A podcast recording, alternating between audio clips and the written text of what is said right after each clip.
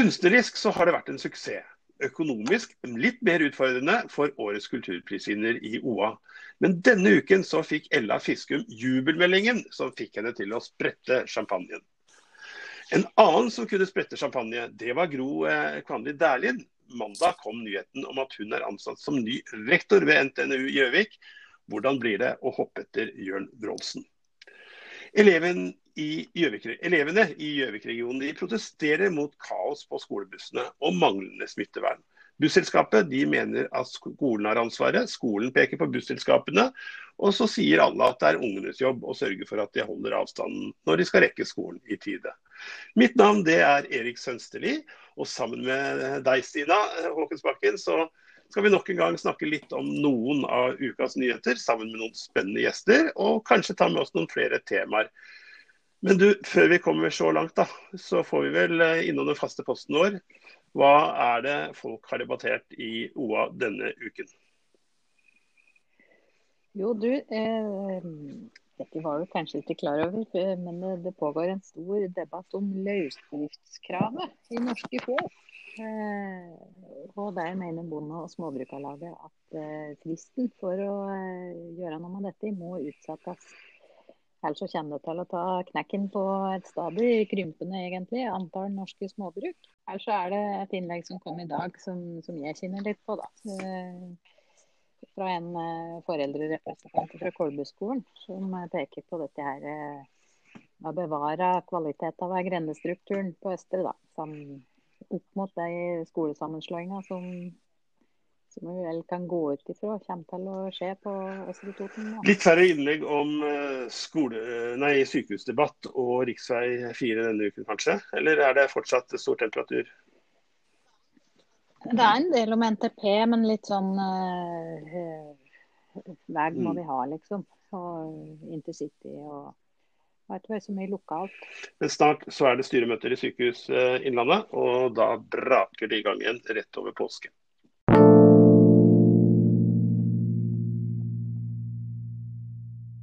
Hun har bygget opp en residens for kunstnere fra hele verden på Eina.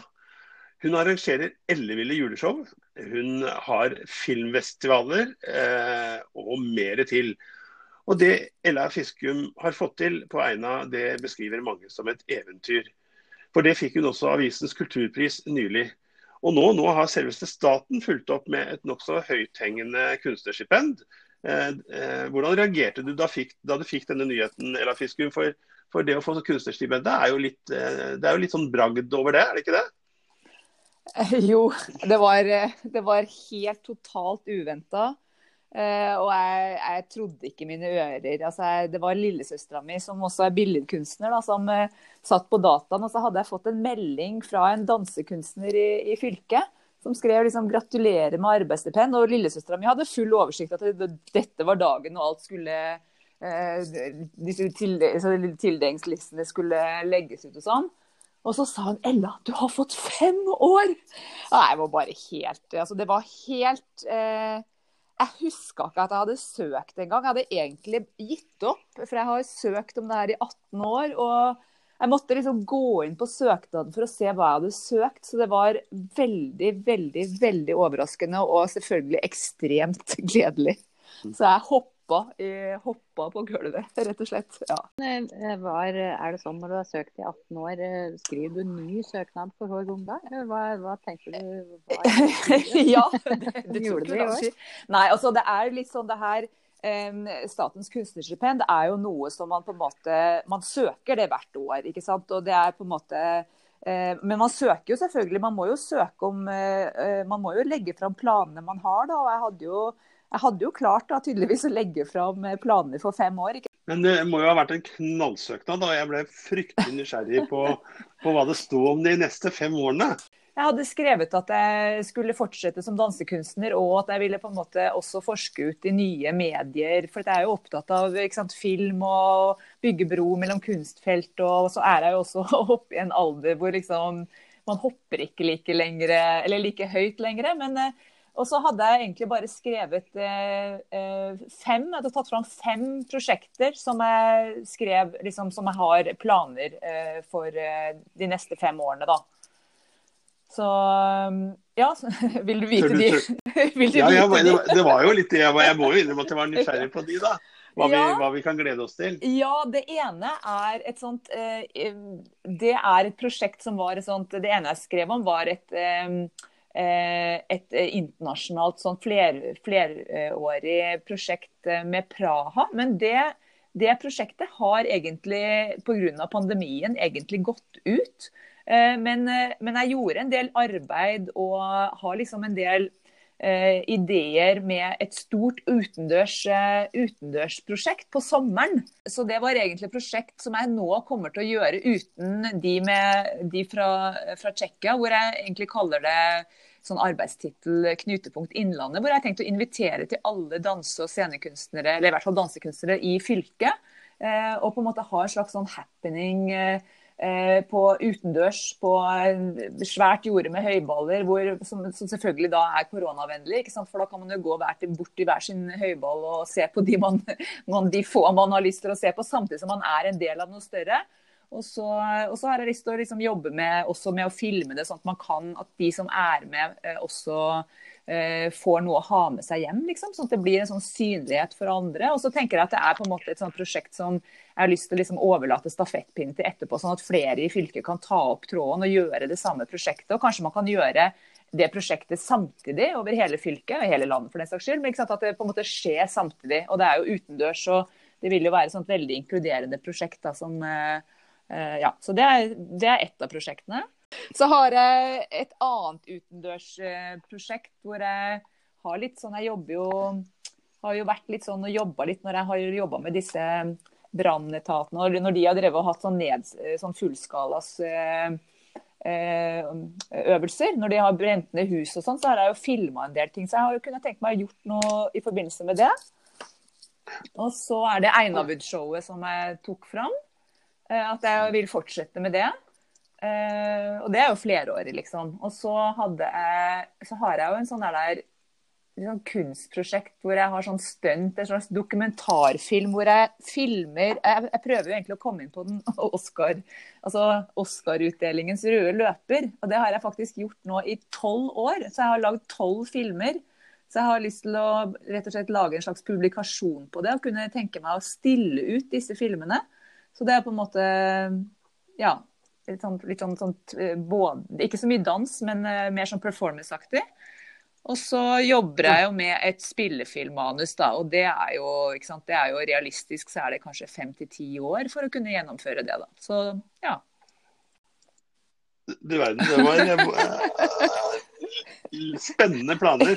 ja. hva, men du, hva tror du det er med Einarvud som både folk ja, i regionen, og kanskje også kunstnere da, som, som kommer til residensen din, inspireres og, og trekkes til? Hva er det? Hva er hva er uh, hemmeligheten, the receipt, på Einarud?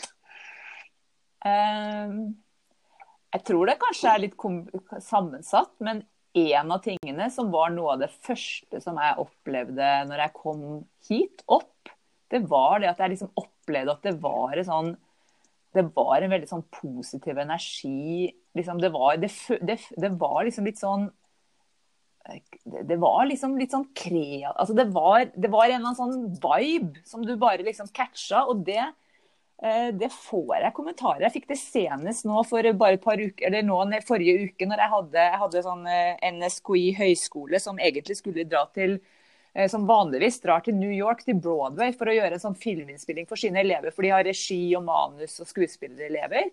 Og så kunne de selvfølgelig ikke dra til New York da, Broadway, så de valgte Einavud da Eh, og så De fikk liksom vaktmesteren min her til å bygge opp en, til til fire vegger og med vindu, sånn at de kunne sette kamera inn og ut. Og hadde full liksom, sånn der filminnspilling i låven.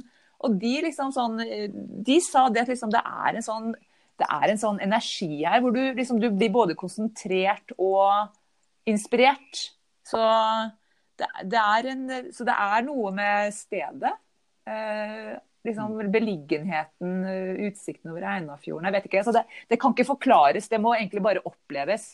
Og så er det kanskje Jeg vet ikke. Det kan, det, eh, jeg har jo eh, gjort mye rart og møtt mange mennesker. Og, og det at de har liksom hva skal jeg si, Når jeg har vært kunstner i, jeg har vært utøvende kunstner i er det 29 eller 30 år, da, så har jeg, jeg bodde f.eks. åtte år i koffert, hvor jeg ikke bodde hos noen. Eh, sånn at når jeg da endelig flytta hit og kunne si til alle de jeg hadde bodd hos og besøkt og alt sånt, si at dere kan bare komme. liksom Bare, bare kom hit, dere. liksom eh, Plutselig så var det min tur at jeg kunne ha folk hos meg. Eh, og så har det, så har det liksom balla på seg, da. Eh, ja, så, har det, så, har jo folk begynt å komme. Så det har vel kanskje blitt liksom sånn Det er vel en kombinasjon av det, da. At uh, man har hatt et stort nettverk, og, og at det kanskje er litt sånn uh, ja, ja. Hva skal jeg si?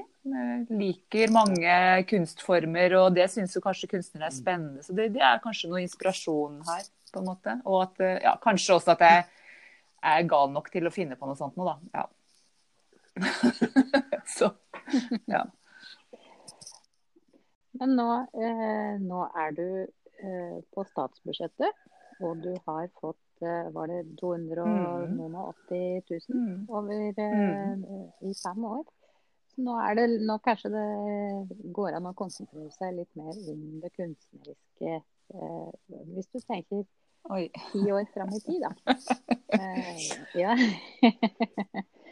Hva, hva har du på rett? Oi, det var et vanskelig spørsmål. Eh, ti år i ti, fram i tid? Nei, altså det er jo Altså det hadde jo vært kjempegøy om det bare altså Det er jo så store potensialer her, for det er store områder her. Så det er jo hadde jo bare vært kjempegøy om det ble sånn der, eh, et sted som folk dro til. Altså som, som, var hvor de arrangementene vi gjorde, og at det kunne bli utvikla videre. At de på en måte bare fikk lov til å blomstre ut uh, i full mundur, liksom.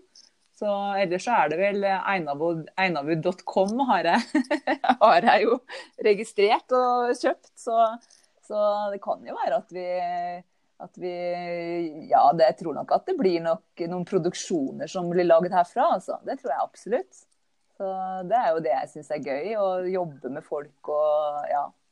Det er jo, det er jo kjempespennende å, å, jobbe med gode folk og gjøre spennende prosjekter. Og prøve liksom å, å, være et inkluderende sted både for, både for eh, ja, alle som har lyst til å komme, og, altså publikum og, og, og kunstnere. da. Liksom sånn, er, du får noe sånn når du kommer på et sånt sted som er så nedpå. Altså, Eina er jo et sted hvor du er veldig sånn nedpå. Så kommer du så nært innpå. Så jeg tror, det, jeg tror det er noe med det at publikum de, du, liksom, du, blir kjent med folk. Og da er det ikke, så, det er ikke noe sånn hvem er hvem, og hvem gjør hva. Det, liksom, det, det blir, blir, litt sånn nedpå. Så det, Ja. Mandag så kom nyheten om at Gro Irén Kvanli Dæhlin er ansatt som viserektor ved NTNU Gjøvik. Dæhlin overtar fra august etter Jørn Wroldsen, og gratulerer med jobben! Hva tenkte du da du fikk tilbudet? Oi, det var kjempespennende tilbud, tenkte jeg. Jeg lever jo under skulle si, NTNU og Campus Gjøvik, så dette syns jeg var utrolig spennende. Det må jeg si. Virkelig en mulighet til å være med å påvirke. Du eh, jobber jo eh, og har jobbet på eh, høgskolen og NTNU eh, sjøl i, i, mange av disse åra, sammen med Jørn Wroldsen, som du skal ta over etter. Og han eh, har jo vært veldig sentral i Gjøvik-samfunnet på mange områder. Hvordan tenker du på det, liksom, den, eh, å komme etter Brolsen? si det ja, det, jo, det, må jo sies at det er store sko å fylle. Det er jo det, da. Han har jo gjort en eh, fantastisk bra jobb. Både for tidligere Høgskolen i Gjøvik og nå for eh, NTNU sitt campus her på Gjøvik. da. Men så er det jo som å si, jeg har jo vært her lenge, da. Jeg satt og tenkte på det her eh, tidligere. Hvor lenge har jeg egentlig vært her? Og eh, når jeg starter opp i jobben 1.8, så er det faktisk mitt 30. år jeg starter her på campus og jobber. Så jeg har jo en viss fartstid. Og jeg har jo vært heldig og vært i mange ulike posisjoner her på campus. Og i tolv av de årene har jeg jo vært prorektor sammen med Wroldsen. Så jeg har jo vært med på reisen. Og syns jo det skal bli veldig spennende å få lov å gå videre på den reisa. Ja. Mm. Vi kjenner deg jo fordi du har vært en sentral eh, eh, i, sentrale roller i, ved NTNU lenge. Og så har du hatt sentrale roller i Høgskolen i Innlandet også før det. Så, men, men Superkart, for de som ikke, ikke har fulgt deg så tett. eh, Hvem er, hvem, hvem er du faglig og som Ja. person? Heisversjonen av det. Du, er Opprinnelig så er jeg jo faktisk utdanna biolog, cellebiolog for å være veldig konkret. Men jeg interesserte meg jo veldig fort for utdanningsfeltet, og har derfor tatt en del pedagogikk også.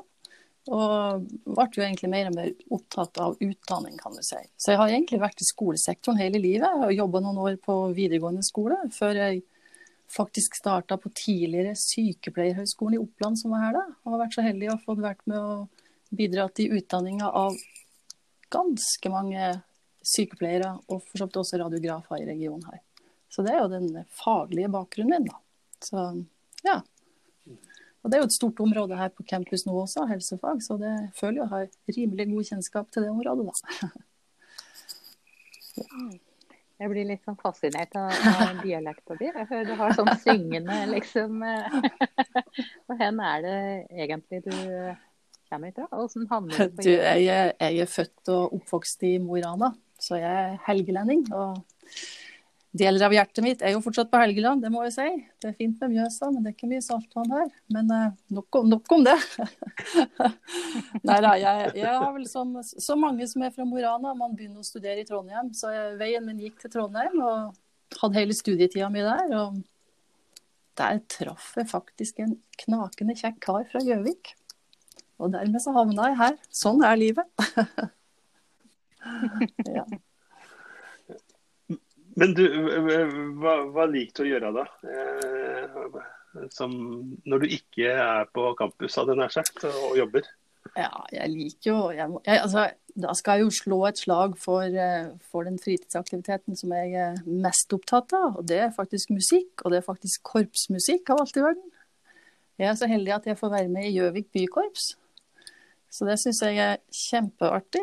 Utrolig sosialt og fint miljø. Og det å være sammen med andre og spille og lage musikk, det er utrolig artig. Jeg er jo en typisk lagspiller, det må jeg si. Så jeg, det å få være sammen med andre og få musikk er utrolig artig. Så jeg følger med på skolekorpsene rundt her og rekrutteringa og ja, veldig spennende. Ellers så er jeg vel som ja, jeg benytter meg av skog og mark rundt her og ja. Byens tilbud. Hva, hva, slags, hva slags instrument? Oi! Gammel. Det fineste av alle. Klarinett, selvfølgelig. Ah. Ah, ah, Bariton og eufonium er her.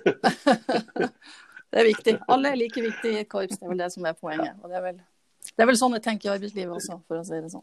Så, ja.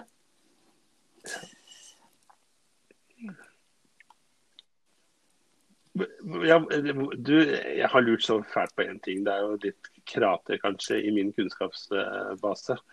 Men, eh, men eh, i akademia er det kanskje litt annerledes enn det er i næringslivet og andre steder. For, for der, der, der får man jo beskjed gjennom pressemeldinger når noen har fått en jobb. Men, men i universitetet så var det slik at, eh, at der går man offentlig ut med hvem som tilbyr stillingen. Og hvis den første sier nei, så går det til en, en annen person. Eh, Så tenkte jeg, liksom, Gjør ikke det noe med autoriteten til den nye lederen? Påvirker ikke det omdømmet til universitetet hvis flere sier nei? Mm. Sånne tanker meldte seg hos meg. Men, men, men, men eh, hos dere i akademia så er det ikke sånn som i næringslivet. Ja, altså, vi er jo ganske vant med at det, det er sånn vi kjører det. Vi kjører helt åpne prosesser. Så, så i det, altså man har en søkermasse, og i det øyeblikket man har innstilt noen, så sier man at alle som er innstilt, er kvalifisert for jobben.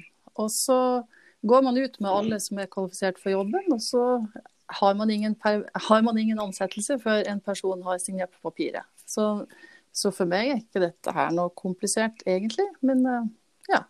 Den, den andre søkeren som var kvalifisert for jobben, var jo innstilt på to jobber samtidig og har valgt den andre. Så jeg tror for oss internt var det vel rimelig ryddig og oversiktlig. Ja. Nettopp. Så, så nå blir det Ja. knallag nå, da. Klart det. Men eh, i dag så er det ikke ca. 450 ansatte og rundt 4000 Mhm, studenter. Det mener jeg. stemmer. Eh, ja. Er det noe eh, litt tidlig kanskje, men noe tiltredelseserklæring? Hvordan skal dette bli litt fram i tid? Ja, altså jeg, jeg, er litt sånn forsiktig med å si jeg, jeg, vil ikke gå ut og si at vi skal ha så og så mange studenter, så og så mange ansatte om x antall år. Jeg er mye mer opptatt av kompetansen vi bygger her, og ser hvilken posisjon vi tar nasjonalt. For hvis vi ser noe litt på ja, Siste uken har du f.eks. Man har lagt ut Kompetansebarometeret, for å ta det som et eksempel. Der man ser på fremskrivninger, hva man har behov for osv. Hvilke fagområder. Og der ser vi jo at eh, Campus Gjøvik altså, har jo innertier nærmest på, på, hva vi tilbyr av utdanning og forskning innenfor eh, ja, det som er etterspurt. Og jeg tenker at det er jo det som styrer utviklinga på campus. At vi hele tida er relevant. Og at vi hele tida klarer å holde oss i front, både forskningsmessig osv., sånn at vi kan gi det samfunnet etterspør. Så hvis man ser med det som bakgrunn, så vil jeg jo anta at vi kommer til å vekse litt på sikt. Men det er som sagt, det er ikke noe, er ikke noe målsetning i seg sjøl å ha flest mulig. Men hvis vi hele tida har kvalitet, så blir vi flere. Sånn tenker jeg rundt den biten. Hvordan ser du på mulighetene, eller hva er de fremste mulighetene som, eh, som NTNU Gjøvik har, og Gjøvik sammen? Og, og, og hva, hva, er det viktig at Gjøvik tenker på for å bli den gode universitetsbyen og samarbeidspartneren med NTNU, som, som vi alle er avhengig av? Ja, jeg tror, altså, vi har godt samarbeid med alle rundt oss, men jeg tror vi må utvikle oss enda mer. Det, jo, det påpekes jo nå stadig vekk, og nå var arbeidslivsrelevansmeldinga kom jo nettopp her nå. Og Der snakker man jo om at eh, studiene må bli enda mer i inngripen med arbeidslivet. Og Der tror jeg vi har en kjempemulighet. Vi, er, vi, gjør mye på det i dag, men at vi utvikler oss mer sammen med regionen, det tror jeg blir særs viktig for oss. Så det er nok et område vi skal jobbe enda mer med, tenker jeg. Ja. Da er det ikke Vi har jo Raufoss-miljøet og det der. der. Vi er jo liksom eh, i sluttprosessen av eh, dette med ja, ja visst. der, ja, der har jo Brolsen vært ganske tydelig. Du har omtrent samme utgangspunkt. Ja, men det er jo han som eh, holder i den prosessen nå, så jeg tror ikke jeg skal gå inn i detaljene. Men det som er interessant med hovedsykehus, åkke som på si hvor det blir liggende, eller hva som skjer, det er nå at eh, det er jo en kjempestor kompetansearbeidsplass. Så man tenker både i utviklinga av det sykehuset og, og, videre, når det, når det begynner å, å, å, gå i drift, så kreves det kompetanse innenfor mange ulike felt. Og der føler jeg jo at uh, Campus Gjøvik har veldig mange områder som kan gå rett inn. Jeg håper å si Nesten alle områdene vi har eh, driver på med, kan gå inn i en sånn type arbeid. Så jeg, jeg hilser deg velkommen. Elevene klager på fulle busser og kaos rundt smittevernet i Gjøvik-regionen. Innlandstrafikk de mener at elevene kan sitte skulder ved skulder, også på rødt og gult nivå. Og Innlandstrafikk sier også at det er skolenes ansvar. Skolen det er jo fylkenes ansvar. Og alle sier vel egentlig at elevene også skal ta ansvar. Virker det litt uklart, eller har vi funnet en svakhet i vår smittevernsmur? Eh, beredskapssjef i Innlandet, Endre Gjelseth? Om det er en svakhet, eh, det vi vet eh, og kan si med sikkerhet, er at eh, kollektiv er en utfordring når det gjelder å ivareta smittevern. Når det er sagt, så, så er det jo sånn, og som Innlandstrafikk helt riktig sier, altså de følger en nasjonal veileder knytta til det med kollektivtransport. Og Den sier nettopp det at folk kan sitte skulder ved skulder på bussen, men ikke ansikt mot ansikt. da. Eh, og så er det sånn at Når det gjelder skoleskissen og skolebussene, så er de dimensjonert ut fra det antallet som har rett på skoleskiss. Eh, og at samtlige av dem som har rett, de skal kunne ha en sitteplass på bussen. Eh, men nå er det jo også sånn at mange vegrer seg nok mot å sette seg eh, ved siden av noen på bussen, da, gitt den smittesituasjonen vi står i. Og Da velger de heller å stå i midtgangen på bussen. Og, og da oppleves nok også bussene fullere enn hva de faktisk er. Så vi eh, anbefaler alle elevene i størst mulig grad å unngå å stå på bussen, men å sette seg ved siden av noen. Og Det skal i utgangspunktet være da forsvarlig ut fra den veilederen som vi følger. Men det er klart, vi ser jo det at det er en logisk brist mellom det at du ellers skal holde minst én ja, fra én til to nå, ja. Ikke sant? Så blir det en logisk brist i forhold til at nei, det skal ikke gjøre på bussen. Du skal jo helst gjøre det, men eh, når, når, bussen, eh, når, det ikke er mulig, så, så setter vi siden av noen på bussen. Jeg skjønner at det fremstår litt sånn ulogisk, men, men sånn er det nå en gang. Elever sier sjøl at de føler dette utrygt, og de har prøvd å si fra. Nå opplever de på en måte at de ikke blir hørt da, i en tid der det er så innmari strengt på alle andre områder. Hva tenker du om det? At de prøver å si fra at dette opplever vi utrygt? Eh, det, eh, vi er jo klar over det, og vi tar imot. Og vi jobber hele tida med å tenke hvordan kan vi få et enda bedre smittevern på bussene. Eh, og vi skulle jo gjerne pøse på med flere busser, men vi har ikke flere busser tilgjengelig all kapasitet både når det gjelder busser og sjåfører er utnytta. Eh, så eh, vi har ikke flere busser å sette inn. Så da er jo alternativet det at færre må ta bussen. Eh, og, og, det tror jeg også kommer til å skje litt fremover, for nå er det jo også varmere i været. Og da er det nok flere som tar fram sykkelen, og flere går, går en tur og sykler til skolen osv. Så, videre. så Så jeg tror nok også årstida vil faktisk være med på å bedre det. Men vi skal jo gjøre det vi kan for å, å ha et så godt smittevern som mulig på bussene. Eh, men vi anbefaler jo også nå når det er høyt smittetrykk, at, at folk faktisk bruker munnbind på bussen eh, når avstanden ikke er mulig å opprettholdes. Eh, men da for dem eh, ungdommene over eh, tolv år. Men, men, er det også et, et, økonomisk spørsmål? Jeg bare tenker på eh, eh, Kunne man ikke se for seg at man forhandlet fram en god pris eh, med drosjeselskapene? For man skulle jo tro at drosjeselskaper og taxier ikke hadde like mye å gjøre under pandemien som de hadde før, fordi det er mindre bevegelse i samfunnet. Det er selvsagt syketransport og en del andre oppdrag. Men, men, jeg ser at innenlandstrafikken sier heller at det ikke er mulig å oppdrive drosjer til å frakte, eller gjøre noe med den situasjonen som, som både OA da, og, og, og, andre får henvendelser fra elever på. Når det gjelder drosje, Vi bruker jo drosjer til skoleskiss. For det er jo en, en, del elever som bor på plasser hvor det er ikke mulig å, å, å ta skolebuss, altså der bussen ikke går. så Eh, vi bruker drosjer, og, og, og, kapasiteten der er fullt utnytta. Så vi har ikke noe mulighet der.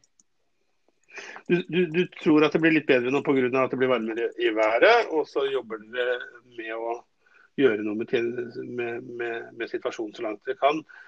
Eh, og så vet vi jo at dere har jo eh, gått i anskaffelse nå av store mengder munnbind ja, hvor, mange munnbind er det du har kjøpt inn, eh, Elseth?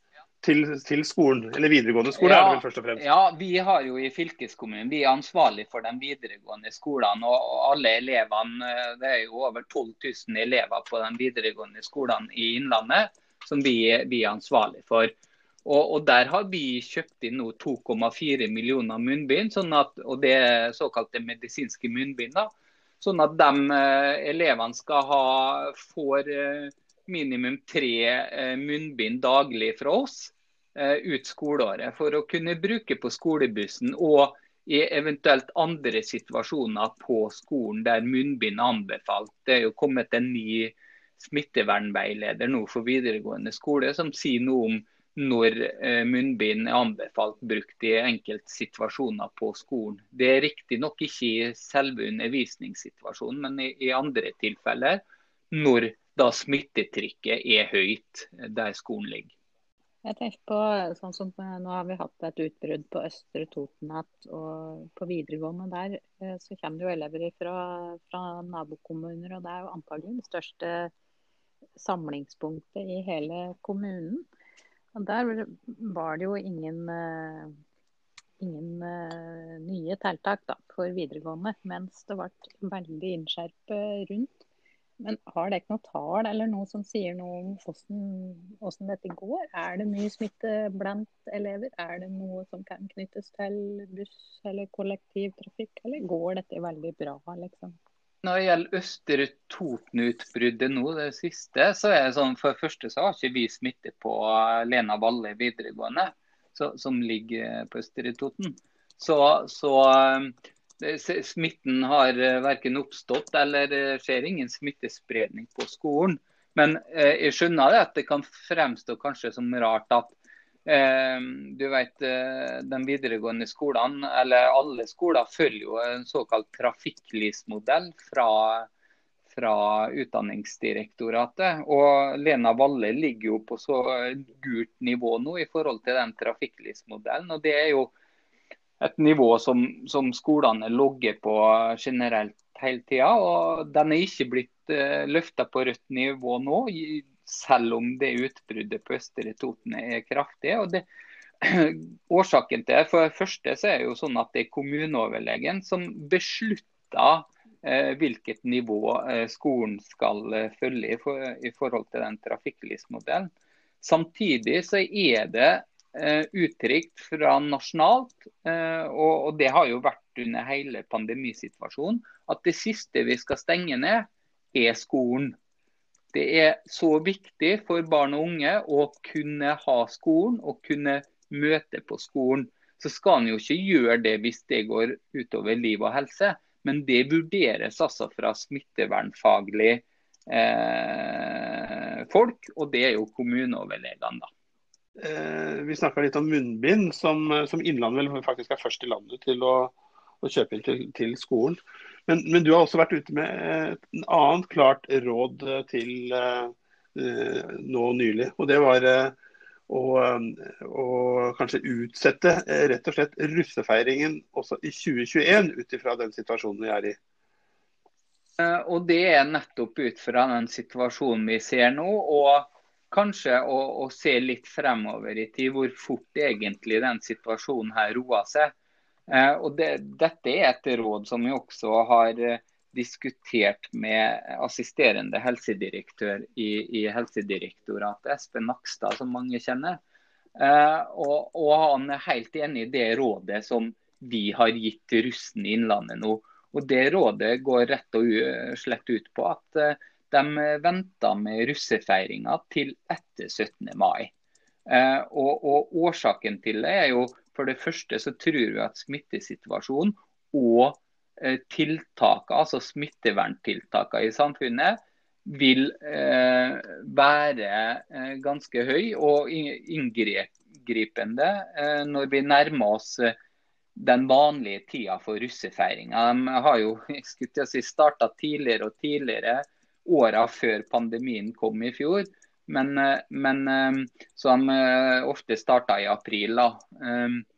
Og, og, vi tror nok det er altfor tidlig å starte den tradisjonelle russefeiringa da. Så vi har rett og slett anbefalt at de venter til 17, etter 17. mai. Og det gjør vi også for å egentlig um, ikke skape for store forventninger hos russen. For det er veldig dumt, som det skjedde i fjor, at de planlegger eh, stor russeaktivitet med, med russefester osv. Eh, i april, tidlig mai. Og så må de mest sannsynlig da avlyse dem nettopp pga. smittesituasjonen og de tiltakene som er i samfunnet. Så Det er litt sånn forventningsstyring som ligger bak også det rådet og anbefalingene vi er kommet med der.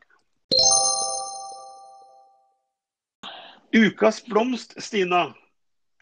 Ja, ha, ja. Har du, eh, har du funnet noen kandidater? Ja, det har vi da. Jeg tenkte Jeg er jo glad i dyr. Jeg har stor respekt for det arbeidet som Dyrebeskyttelsen gjør. De er jo overalt, også her på Gjøvik og Toten. De kjøpte jo et gammelt bedehus oppe, oppe i bybrua som heter Potespor. Oi. Det er godfint. Ja. For eh, der, eh, de får jo meldinger om alle mulige slags katter og kattunger som er, ser hjemløse ut. Og der kan de ha inntil 75 katter. Nå eh, går de med veldig redusert kapasitet fordi de har for få frivillige. For når det blir så mye katter, så blir det en del stell. Og nå er de redde for å, at de må stenge før dette rushet som normalt kommer om våren. De er mett av kattunger. Så jeg tenker jeg sender en blomme til Inger Målerstuen og alle nåværende, og forhåpentligvis snart flere frivillige i denne lokale dyrebeskyttelsen. Og så vet jeg at du også foreslo en blomst til. Jeg, Vi rakk ikke å snakke noe om det, Stina. Men kommentarfeltet de er godt varme i sykehussaken. Og, og Torvild Sveen han maner til saklighet. Eh, han har jeg, jeg tror det sto det at han hadde lest påstander framsatt av folkevalgte om han eh, var, at han var spion for Sykehuset Innlandet. Det var, det var, en skikkelig påstand. Han har jo jobba der, da. Ja, ja. ja. Jeg har jo ikke sett dette sjøl, så jeg vet ikke eh, hva, hvem folkevalgte er akkurat hva som sto i det. Men jeg tenker det er spesielt hvis politikere begynner å eh, skrive slik i full offentlighet. Ja. Jeg syns det, jeg, jeg, jeg, begynner å bli litt mett av en del av de der eh, Facebook-feltene. og Det er mange presumptivt oppegående mennesker som både har, ja, tar i bruk kraftuttrykk som de ellers eh, nesten kritiserer andre for å ta i bruk. Da. Jeg så iallfall at Torvild sa at jeg er bare en mann av kjøtt og blod. Når jeg leser slike anklager, så blir jeg litt lei meg. Jeg skal gjøre det jeg kan for å utvikle det elektive sykehuset i Gjøvik. Jeg syns han fortjener en blomst, jeg. Ja. ja. Hva skjer i helga? Det er. Det er ganske kort oppsummert, uh, sjøl om det er påske. Det skulle jo bli tidenes påske. Ja, det sto det. Uh, tidenes, det står det faktisk inne på, på uh, Visit Innlandet sin kalender. Så mener jeg det sto det. Uh, påsken i Gjøvik 2021 det blir tidenes påske i Gjøvik med åpne restauranter, afterski, konserter, rebusløype, masse mer. Med nærhet til den flotte Gjøvikmarka. Det er litt synd å si at det er bare å glemme det. Alt sammen, bortsett fra dette med den flotte Gjøvikmarka. For det er vel ikke mye som, som lar seg gjennomføre av dette. Det spørs vel, ja. Men det er jo sånn rebusser og, og dra på Bergshjul og alle disse tinga der kan jo skje men det var jo veldig kult opplegg, egentlig. Man har tenkt å ta i bruk hele eh, Falstrøms plass og liksom lage Legge til rette da, for servering og, og kos midt i byen, liksom. Mm. Mats på TV i kveld, The Voice.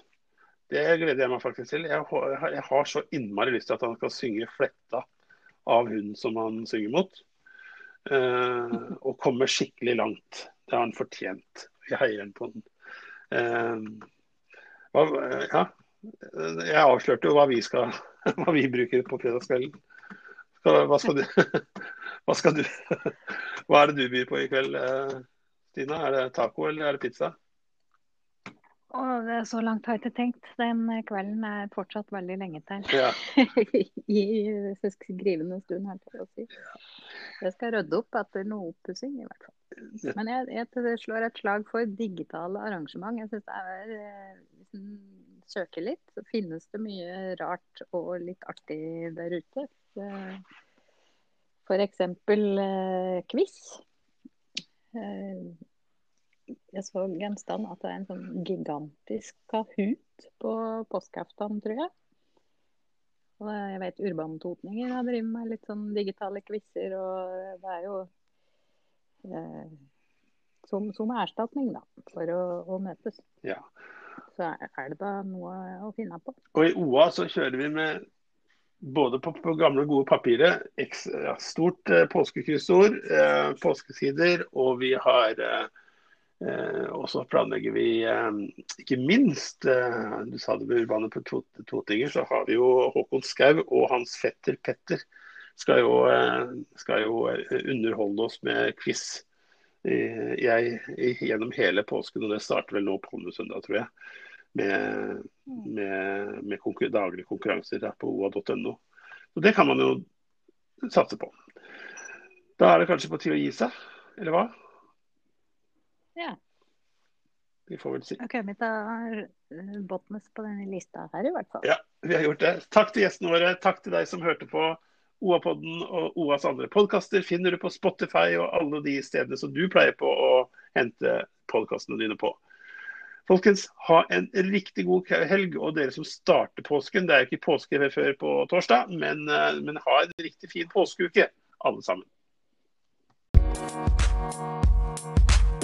We'll be right back.